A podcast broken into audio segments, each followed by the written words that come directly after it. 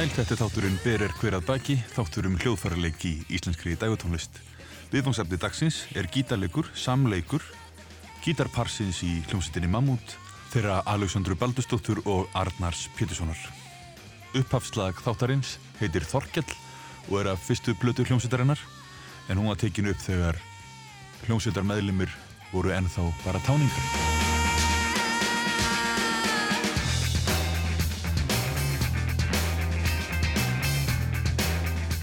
Ég heiti Karl Hallgrímsson og í þættunum ætla ég að tala við Arnar og Alessandru, hljómsveitar félaga þeirra Ásu Dýradóttur og Körver Tóratsen sem er mikill aðdáðandi mammút en hefur líka tvisasinnum stjórnað upptökum á hálfri plötu hljómsveitarinnar.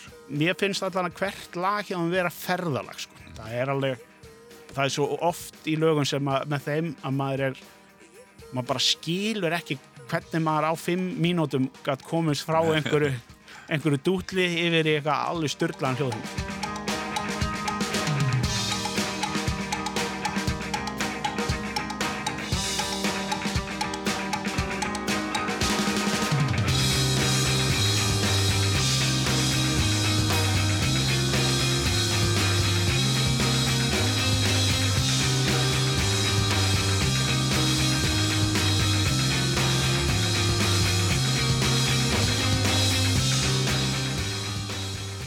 Komið til mín Alessandra Baldustóttur og Arnar Pétursson, gítarleikarar í Mammút.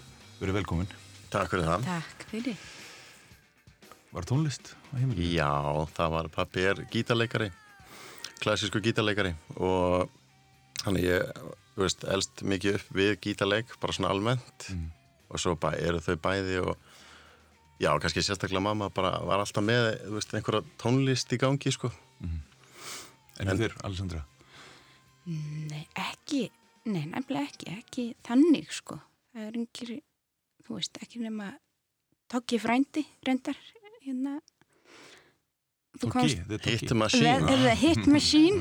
Já, það er kannski þaðan sko sem að, hérna, sem að aðal fyrirmyndirnar eru í fjölskyldinni sko, sem, hérna, tónlistamenn og lagasmiðir sko.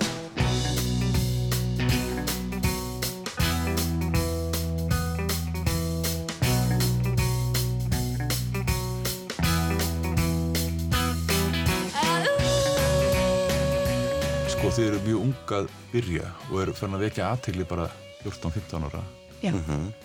Voru margir að skipta sér af, segja ykkur hvað þið ættu að gera? Nei, Nei, ekki svo í minni, sko. Nú eru fullt af svona, já allavega þrýr svona gamli popparar í, í fóraldrahófnum. Já, Já, einmitt, sko. Ég held ég vel bara að þau hefi öll haft einhvern veginn bara að vita að því að vera ekkert að skipta sér mikið að, sko. nei. Eða það var að minnst okkast enginn sem var eitthvað held ég að lögreglega skipta sér af svona tónlist en beint sko. Nei, Þú veist, nei Bara og, hjálpa ykkur að varast vítin. Já, ég vil ekki það sko. Þú veist, það var bara það var bara svolítið svona við vorum bara að gera þetta og bara alveg sem maður væri bara í einhverju að dunda sér í einhverju öðru, þú veist, í sínu bara sem úlingur sko. Og fóröldarnir bara svona einhvern veginn á hliðalínu bara Við svona heldur held ég einn svona fjölskyldufund Já, já, þegar við unnum músiktilunni sko. Það var svona haldin einhver svona fundur sem að... það var eiginlega minnir mig á okkar frumkvæði með þessa Já, jafnvel. Ég held sko, það, sko. Þau vildi eitthvað svona kynnast og og einhvern veginn bara svona ef þetta færi eitthvað vittleysu hjá okkur þurfti að stíga Já. inn í þá væri gott að vera með eitthvað skonar. En svo þurfti ekki. Það var ekkert stopnuð eitthvað, eitthvað samtök í kringum þetta, Nei. fóröldrana eitthvað nefndi eða eitthvað Nei. til að passa upp á nei, eitt eða neitt sko. Nei, við vorum líka ekki dýna einnig vittleysu sko. Það ekki þannig sko. Já, kannski bara mínir fóreldra að hafi haldið bara að, hérna, að vera hljómsett líta því það eitulifi líka. Já, en, en sem betur verð þá hefur við ekkert verið fyrir svo leys rugl sem að hefur líka verið kannski það sem hefur verið að halda okkur gangandi svona lengi. Það Já, er það verið ekki neitt bara. rugl þetta er alltaf bara snúist um e, rosa vinnáttu og hafa gaman sko. Já.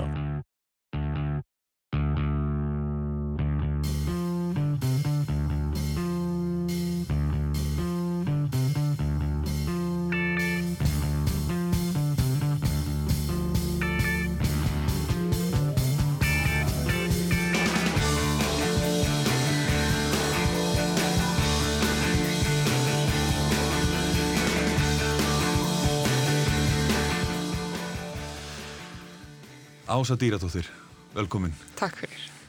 Þau náttúrulega byrjaði að vera bara með flanger, voruð þið búin að tala um það? Nei. Það var fyrstu plötinni var Arnar átti pedal í eintölu sem var flanger. Já. Nei, fyrir ekki Alessandra. Já. Og Arnar fannst það svo geggja kúla, hann fyrir líka flanger. Já, já, já. Þannig að þau byrjuði bara með sikvart flangerinn. Og svo næstu plötu kom kannski að delay líka. Svo eftir það var Alessandra komin í einhver algjör að síru súpu þarna á pedalbröndinu.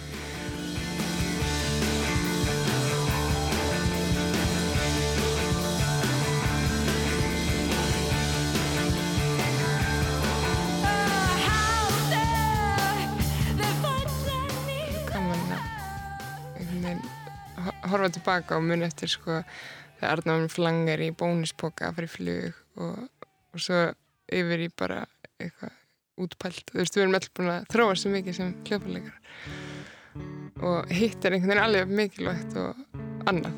Þessi sko þessi byrjun. Satt hann með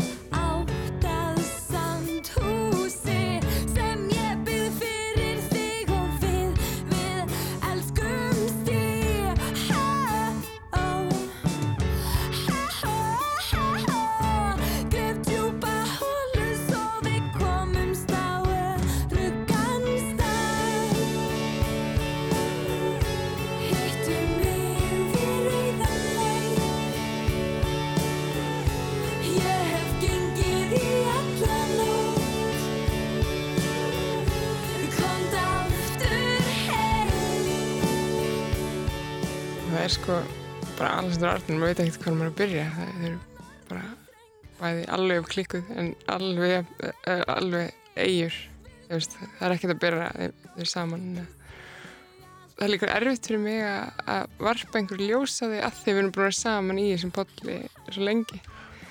Að ég einhvern veginn, já, ég er erfitt með að taka þau til hliðar og skilgrunur þau eða, eða svona já, greina þau einhvern veginn það er svo rosalega stór partur í Já, já.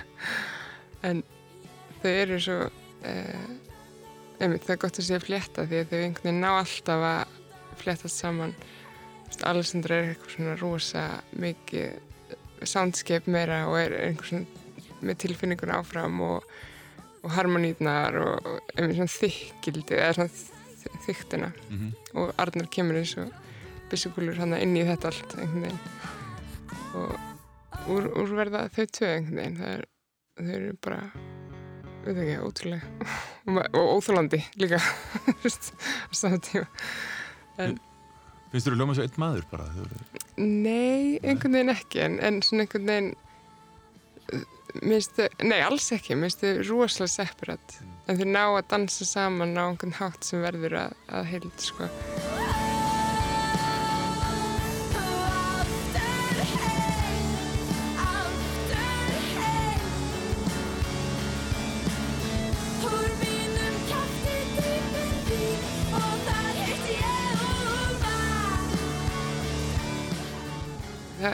það heyrist kannski mest á kannski svona, svona örli dæmi, eitthvað svona karkara þeirri blödu þar var þar voru skemmtilega gítar áhrif í gangi sem við hafa örgulega komið af þú veist, strókspilkinu, eitthvað svona post-millennium svona gítar dæmi er svona veggir og svona stakkat og, og alltaf svona samtal, þú veist, svona leikur.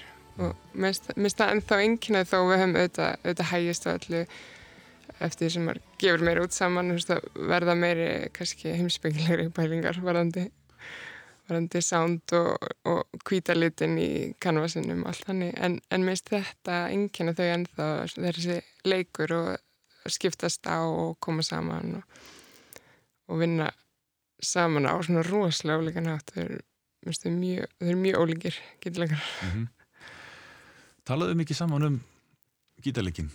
Nei, gerði það ekki. við, of- við erum oftast saman bara þegar við erum að leggja við gíturum. Þú veist, við, við hinn sitjum með, sko. Já, já. En jú, þau, þau hittast líka alveg einu og. En, en það er, þetta, þau einhvern veginn leiða hvort annað áfram og tala svolítið bara saman í gegnum Tónan. tónana.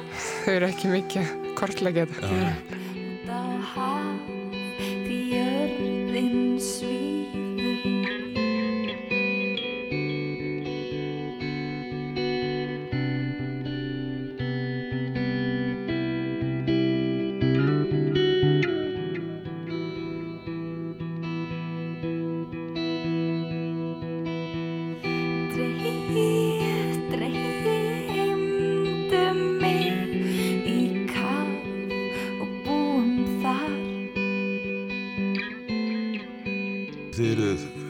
Hljómsveit sem er einhvern veginn einstök.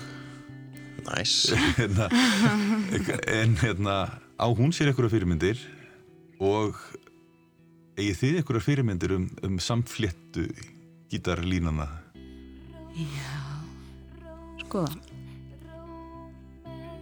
Sko fyrir mín, já, sko, ég held að eins og við hefum oft sagt eitthvað, þú veist, það er svona, þú veist, ég held að okkar svona fyrirmyndir og, og svona, ekki, svona inspo, þú veist, kemur úr mjög ólíkum áttum, þú veist, ég, þú veist, þegar ég var svona að byrja að spila á ramaskítar þá, þá var ég mjög mikið að hlusta á svona, já, svona Nirvana og Rage Against the Machine, þannig að Tom Morello í Rage Against the Machine fannst mér mjög flottur, sko, og já, já, kannski svona helst eitthvað svoleið, sko, og svo með svona samspil, þú veist, ég veit ekki alveg með það, sko.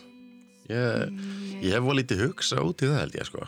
já, ég held að eh, sko, það einkennir okkar ljómsett kannski svolítið, við höfum rosalega lítið sko, bæði talað og hugsað um tónlist. Við höfum svolítið bara gert Já, og bara farið og gert og eh, einhvern veginn var saman og segja þú veist svona þegar við vorum að byrja þá skildum við aldrei þegar það var alltaf verið að tala um eitthvað svona stelpunnar Já. stelpunnar er, er svona eins og þetta væri svo mikið svona stelpustatement en það var uh, var það í raun og veru ekki sko, þetta var bara okkur langaði bara, svo bara gerðu við og vorum ekkert mikið að pæla sko Já, ég held og að engin, föttuðum já, bara hérna, það meg, tveir gítarleikar að mega sensa eitt sé að gera eitthvað línur og hinn sé svolítið að strömma og svo bara skiptu við því einhvern veginn á mill okkar bara, já, já, já, ég ætla að gera þessa línu.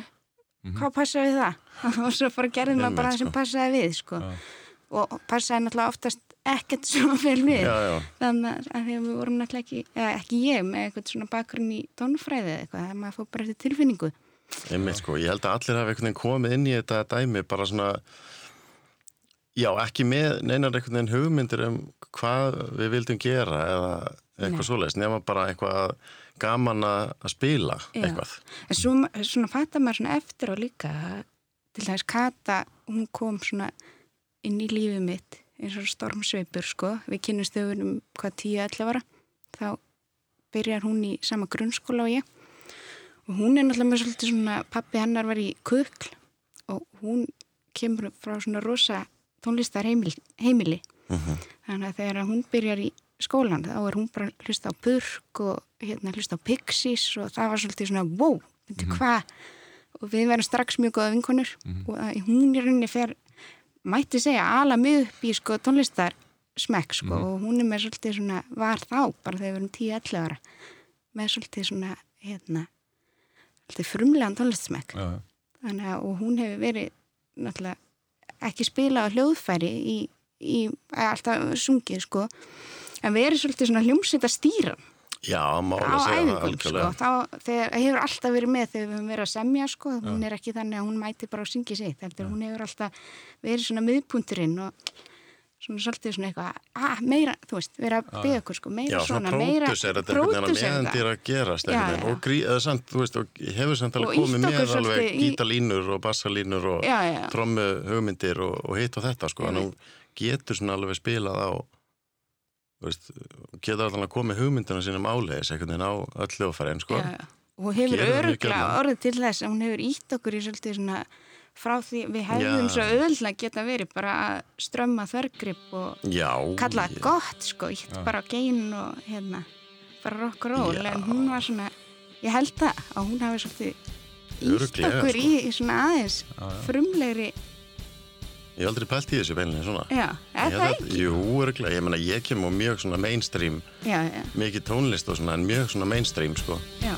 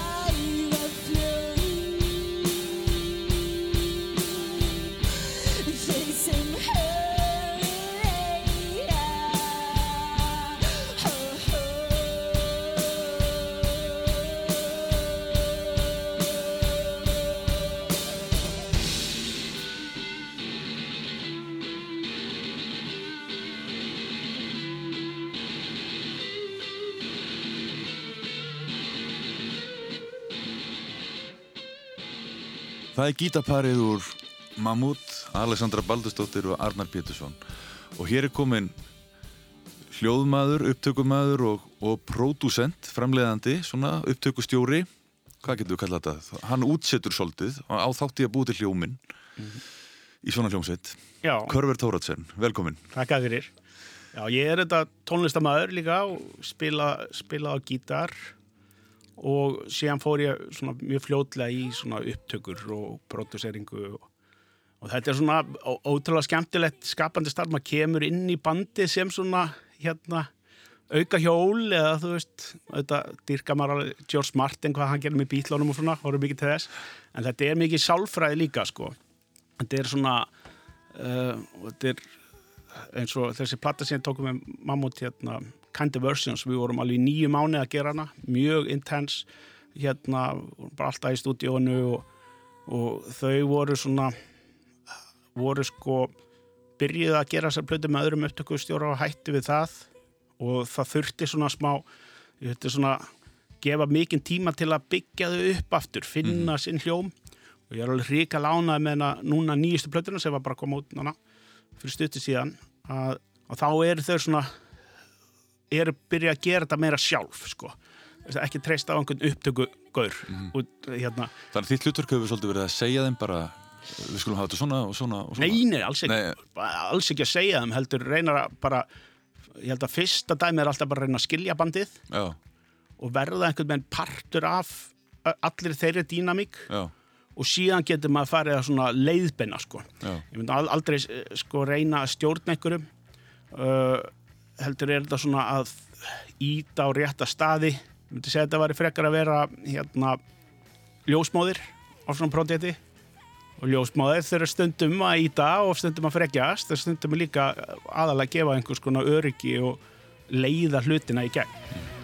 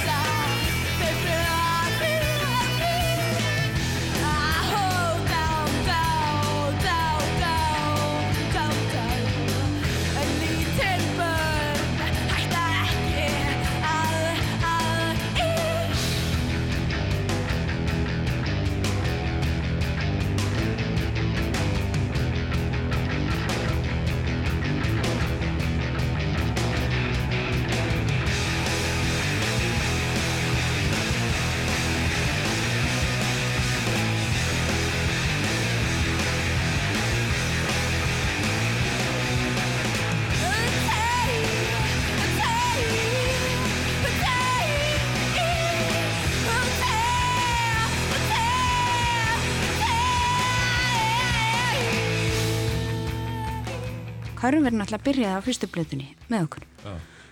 og hérna við vorum bara með svo rosalega sko má segja einfaldar en samt mjög svona skýrar hugmyndir um hvernig Útsetningar. eða? já bara hvernig uh, maður Plata skildi vera já, gerð. hvernig maður tekur upp blötu það Já. er bara það er bara þannig að við vorum semst með einn dag sem við un- unnum í músiktilunum, einn dag í sundleginni, Sigur og stúdíóni við bara eins og við gerum æfðum, æfðum, æfðum og svo bara mætum við inn og svo bara talið í rennum bara hlutinni í gegn.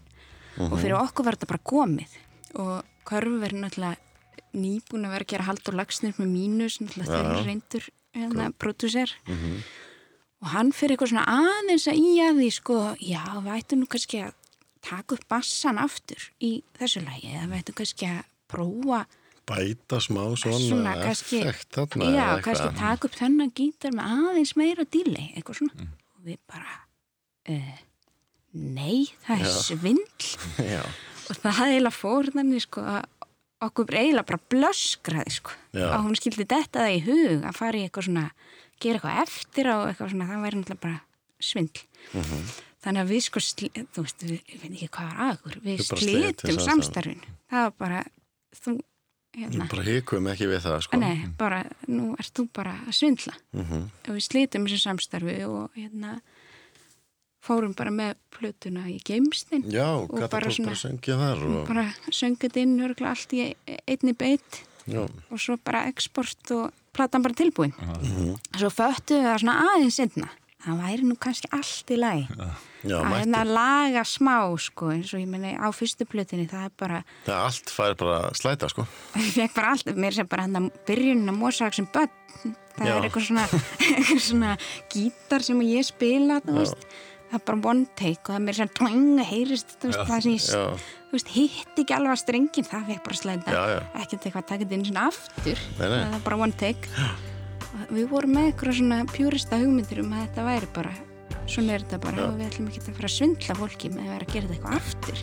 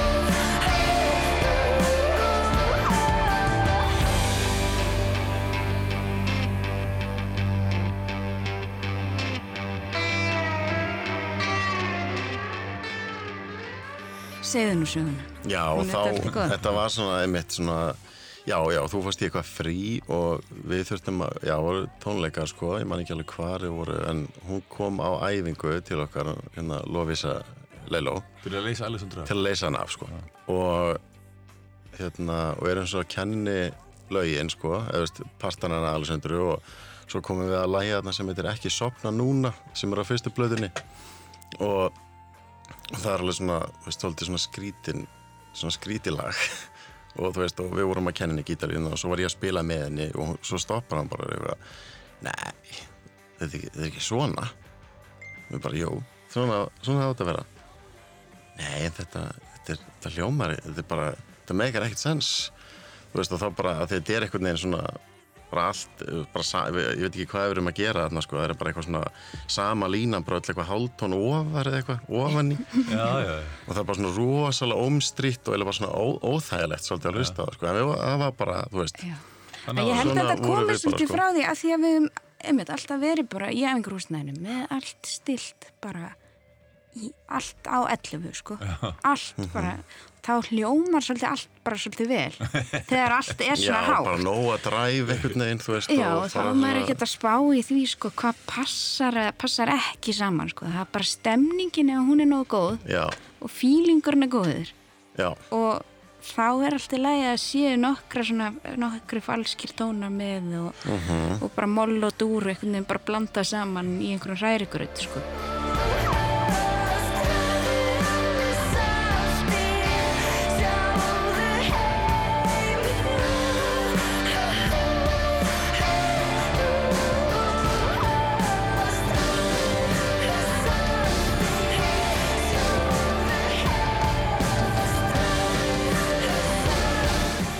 Hvernig er dýnamikinn í svona hljómsveit sem hefur verið saman frá því eru unglingar? Já, það, það er æðislega dý, dýnamik hjá þeim sko af því þau byrjuðu svo rosalega ung og þau hafa sjá, sagt það sjálf í viðtölum að þú veist þau séu bara þú veist þau eru bara eins og fjölskylda sískinni sko Já.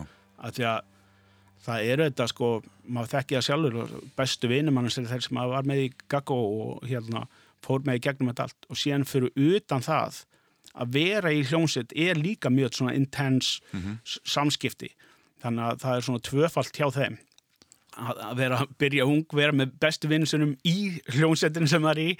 Og þetta verður svona bara æðislegt og ég, eins og segi þak, þakka fyrir að maður þekkti þannig aðeins byrjun og, og, og síðan þegar maður kom inn í þetta en þetta bara alltaf þegar maður vinnur með bandi þá byrja maður að hugsa, veist, hvað er að pæla hvað er löður með, hvað er að hlusta á og síðan á, á, meðan maður er að gera það þá er maður að finna út Já. dýnamikina sko Ég er þetta, þessi körf er svona einsmanns hljómsveitila í gamla dag, þetta áður en ég byrjaði Ghost Digital. Ég er svona mikið, hérna, meika ekki að vera eitthvað með meira í hljómsveitu, vildi gera þetta einn. Þannig að mér finnst alltaf rosa væntuð að, að koma inn í sem auka meðlumur. Og þá þarf maður einmitt að hlusta vel og það er einhverju feimnir og einhverju frekir og eitthvað svona og maður þarf bara að skilja hvað vinnur best saman, sko. En þau eru ekki bara ung, þau eru líka með annað kynja hlutfall, heldur þau svona gengur og gerist Já. í, í rockljómsveitum. Já, það er alveg rétt. Það var þetta, uh, upprænlega er þetta hérna Gata, Alexandra, Gunna sem, sem hætti síðan, þrjástelpur og síðan Arnar og Andri. Hann hætti Gunna og þá kom Ása í staðinu bassan, mm. það helst kynna hlutalli og síðan núna nýlega, nú er komin ný trómuleikar Andri hætti, Valgeir, Eh, Valgeir Skorri. Valgeiskori. Þannig að þetta er svona, já, þetta er, þetta er auðvitað rosalega sérstætt band. Það eru öðruvísi kynja hlutu öll, það eru öðruvísi saga, svona hvernig þetta gerist. Það eru hérna misma, öðruvísi svona áherslur, sérstaklega einmitt leika hjá gítaparinu, það er aldrei svona öfugt þar með við vennilega. Það er kannski, það er Arnar ekki svona front solo-gítar eins og strákarinn er kannski, er svona e, e, típiskara að stelpurna sé meira tilbaka í einhver svona rithmalhlutverki, en það er öfugt þarna sko, Arnar er meira í svona brotnum hljómum, svona hljómatengdu svona þróun í lögunum. Og Alexandra meira kannski í svona hærri nótum og, og meira svona meira lít, en það er, ekki, það er samt ekki alveg hægt að tala um að þau sé með lít gítara, þetta er Nei. rosa flott heild. Gengur nú svolítið út á línur, svona. Já, eða gengur út á svona eitthvað sam, vefnað eitthvað. já, samvefnað. Og hérna, sko, þú sagði mynda en þá myndi maður ímynda sér og var ekki búin að heyra tónlistina að það væri svona einhver gítarleikar að taka sóló eitthvað, þú veist, þau er ekkert í því sko, það er þessi samvefnaður sem er, er rosa flottir, sko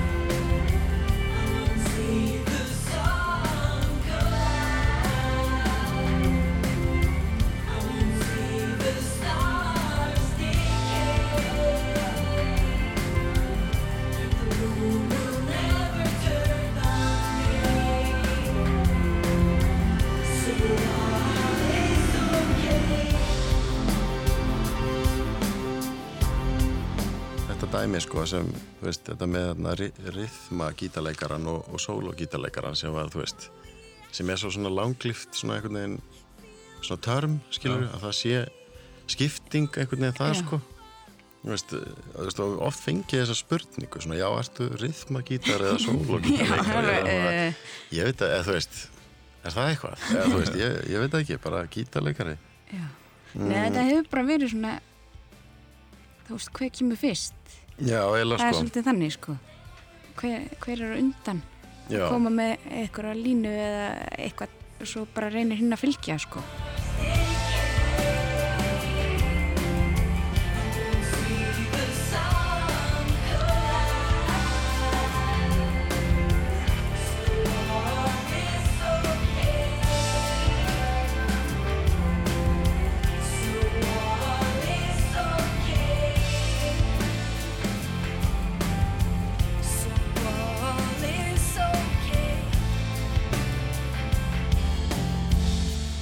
Pray for Air uh, það er alveg ótrúlega svona, segja, frábært dæmi um að í rauninni byrja lægið bara á trommum, bassa og síðan koma þarna einhver svona krydd frá Alessandru og síðan byrja svona frekar einfalt einfaldar arpeggi á hjarnar sem þróa síðan í gegnum tíman og verða síðan algjör sprengikraftur Já. og þegar sprengikraftinu þar þá kemur algjör styrlun svona í gítarsándi og hérna hjá Alexander, þannig að þau eru mjög svona byggja upp lægið án þess að vera eitthvað með alltaf í frontin mm þú veist, þetta er ekki svona riff driven, skilu, þetta er ekki gengur ekki út að síendur tekna uh, riff eða melodíu þetta er sko hands down sturglaðasta gítarsánd sem að sko ekki bara það sem ég hef tekið upp heldur bara það sem ég heyrt um æfina sko. Ég fæ ennþá bara geðveika gæsa og þau heyri þetta. Það, það íti bara öllu frá hérna Og þetta er viðlæðið, sko. Já, þetta er er þú veist, það, einmitt, það, nei, það er bara, það þarf ekkert annað, sko.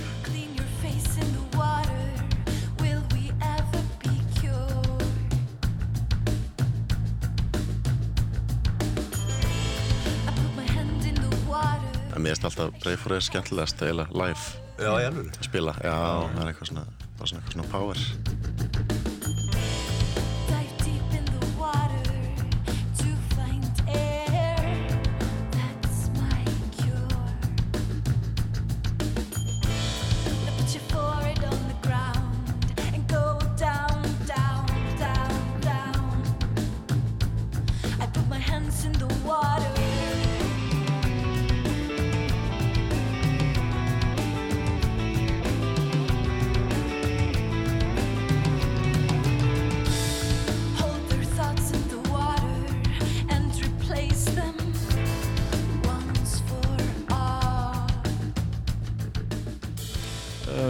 Ég á svona Space Echo tæki gamalt, alvöru, og hérna, og ég er mjög ofta að leika mér, það svona, ég byrja að ná í Ghost Digital ofta að stoppa teipið, sko, setja bara hendina á, á stoppa teipið sjálft og skuttla því áfram, þá myndar svona Já, já. Og við tókum upp þetta þetta var alveg ógeðslega gaman að taka upp gítaran, þessa gítar hennar Alexander sem voru svona rosa stingandi og styrla sound einhvern veginn og, og vorum sko manuali að ruggla í teipinu og, og þetta var bara alveg ótrúlegt sko. Þannig að ma- maður var bara ha þetta er ótrúlegt sound sem var að myndast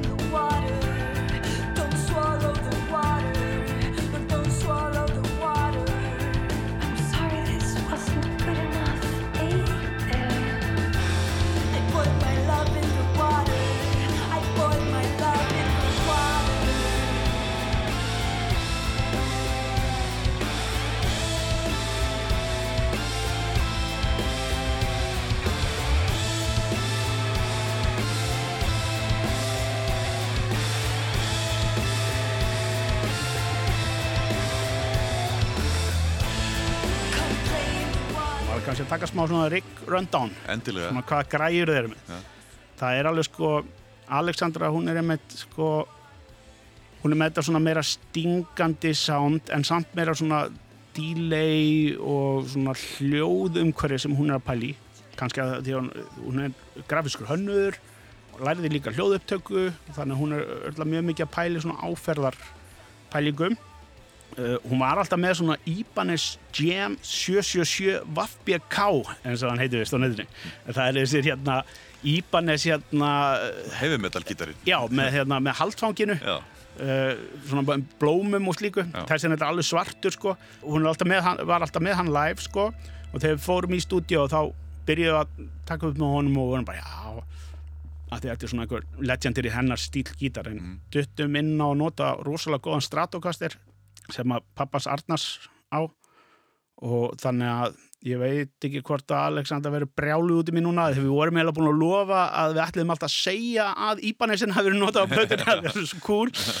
En fljótlega eftir að platan kom út þá keiftum sér Telecaster þannig að ég heldur sem allt í lagi ljóstar upp við notum Stratocaster við prófum nokkra gítara og það var bara, hann var opnari. En hún er með síðan hérna Orange Amp sko, mm. Tiny Terror 15 watta lampa gaur, Já, og, og box, Orange Box líka. Og, og hún notat aldrei mikið bara bjögurna úr magnarunum, lampa bjögurna úr magnarunum, en hún er mjög mikið að pælja þessum oktafurum og hún var með Já. hann pók hana frá Electro Harmonix.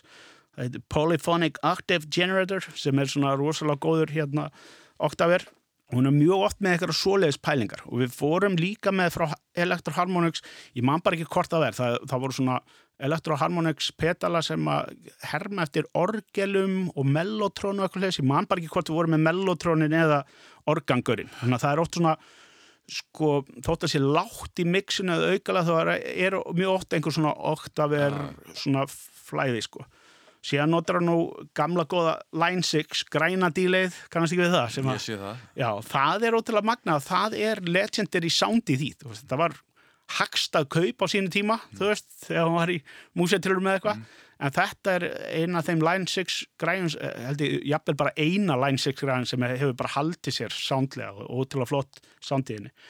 En, en síðan auðvitað, í mörgu af þeim lögum sem var kannski með hérna græna díleið, Line 6 díleið og, og búin að stilla soundið, þá mjög oft þegar vorum að taka upp, þá var það, þú veist, hún kom með hugmyndin á það en þá skiptuðu þeir dílegi út fyrir Space Echo, skilur Já. þannig að dílegið þú veist, gerðum dílegið upp á nýtt eða svona fundið það át en Arnar afturmáti er einhvern veginn akkurat öfugt. Hann með mjög dry sound uh, hann notaði þetta hann Stratocaster frá hérna pappa sínum hana, rosa góður. En hann er, af því hann er svona með hennar klassíska arpeggio stíl, þá er hann meira að reyna að pæla í einhver svona hreinu feitu sandi hann er með Mesa Boogie Lone Star magnara sem er mjög Já. góð lampa, lampamagnari. Við gáttum allan að haft hann oft mjög háan í mixinu á þess að maður teki eftir. Já, já. sem er alltaf eh, áhugavert.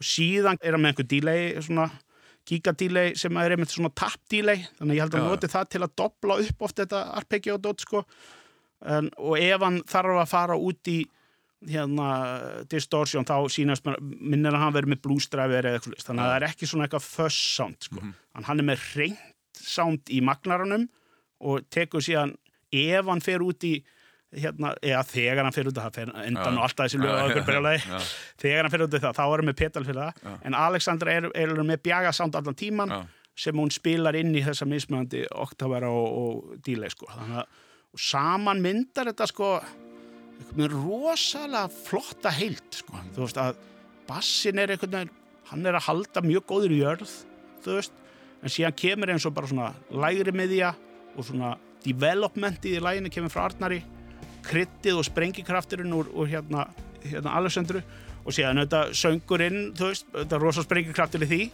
en þau eru eins og þú segir, þau þau eru óhrætt við það að líka ef það er það mikið sprengikraftur í gítarnum að þá þarf kannski ekki því söng, söng á sama tíma, skilur við. Görver, takk fyrir að koma. Takk fyrir að hafa mig og bara æðislegt að varpa ljósi á þá sem eru ekki fremstir í kastljósinu,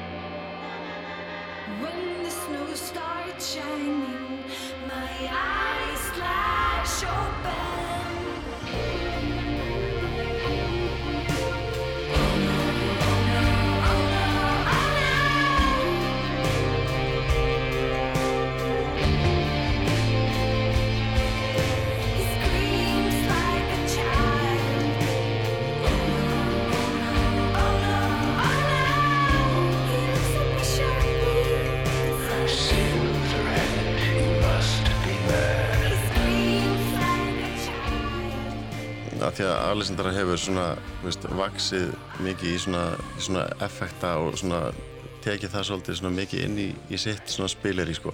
Þá hef ég einhvern veginn bara svona alls ekki gert það, sko, þú veist, og raunir bara staðnað alveg bara frá, þú veist, ég, ég hef aldrei átt meira en þrjá effekta í einu, þú veist, og, og vil eiginlega bara helst alltaf nota drive, sko. Og þú veist, og ég meina, ég var með, sko, alla, veist, alltaf effektana mína bara í plastboka alveg svona fyrstu tíu árin. Þú veist, aldrei bretti eða neitt veginn.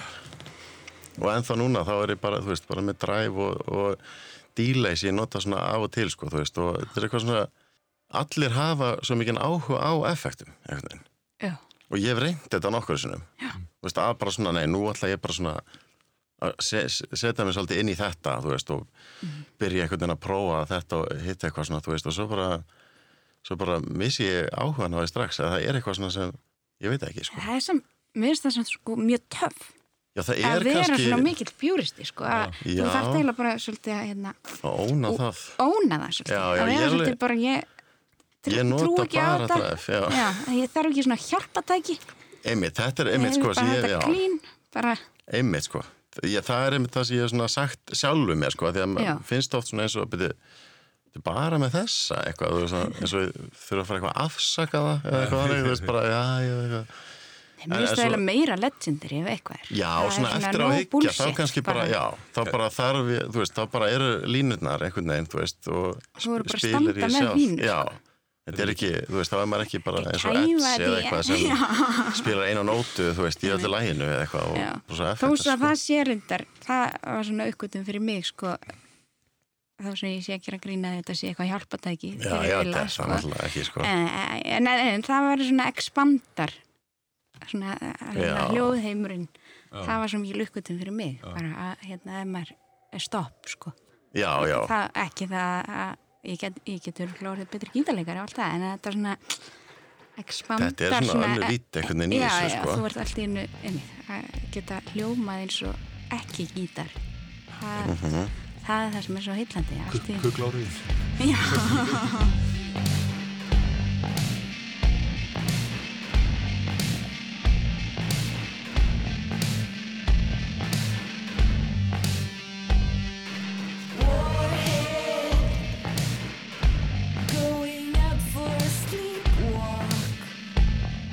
Arnar er svona steddi gítarleikar líka hann er svona, svona- í endutekningunum og svona veist, er með einhverja línu sem hann bara endur tekur aftur og aftur og þá fæ ég frelsið Já, til að já, gera er vittlisuna upp á mikið móti sko. sko. Þá fæ ég bara að gera eitthvað soundscape eða eitthvað svona eitthvað noise af því að Að þið hitt heldur áfram og er ekkert að fara. ein, já, já, já.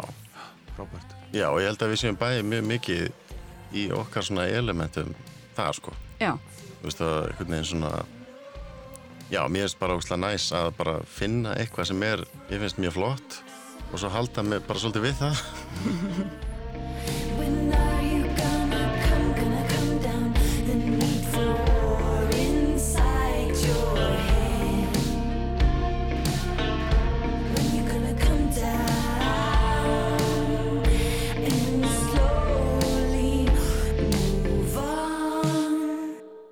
Svo sér maður á, á tónleikum og svona að þú ert hérna, þú ert stundum svolítið upptekinn að græjunum, svona græjunörd, gerir ég mér í hugalend. já allavega af okkur tveim þá ert þú á þú myndi ég vinningin alveg heiklust sko. þá, já, og það hefur svona verið svona meira það hefur svona ákerst svona já, ég verð svona hrifnar og hrifnar af því að spila gítar sem hljómar ekkert endilega eins og gítar sko. það er svona Svo ég það svolítið spennandi Mitt maður sér þig beigja þig niður og fykta í díla í græjunni og Já, spila já. á effektana. Einmitt, mamma og pappi daginn þú verður að fara að laga þessi, græði og ég var, hæ, hvað meinar? Bilaði, já. Hvað, er þetta bara alltaf að bila hjá þér? Nei, hvað meinar þau? Þú ert bara alltaf að, og njánum að laga eitthvað, alltaf, allt sem bara eitthvað að liðast í sundur hjá mér já, þessu já, hérna. Og þá fattaði, já, þeir sem að vit ekki vit Já. ekki, þeir halda náttúrulega bara að það sé eitthvað að. Ég sé Já. alltaf, Takk fyrir tónlistina og takk fyrir að koma í þáttinn. já, takk hérlega fyrir okkur Loka lægið heitir Forever on your mind og er af nýju plötunni. Verið sæl.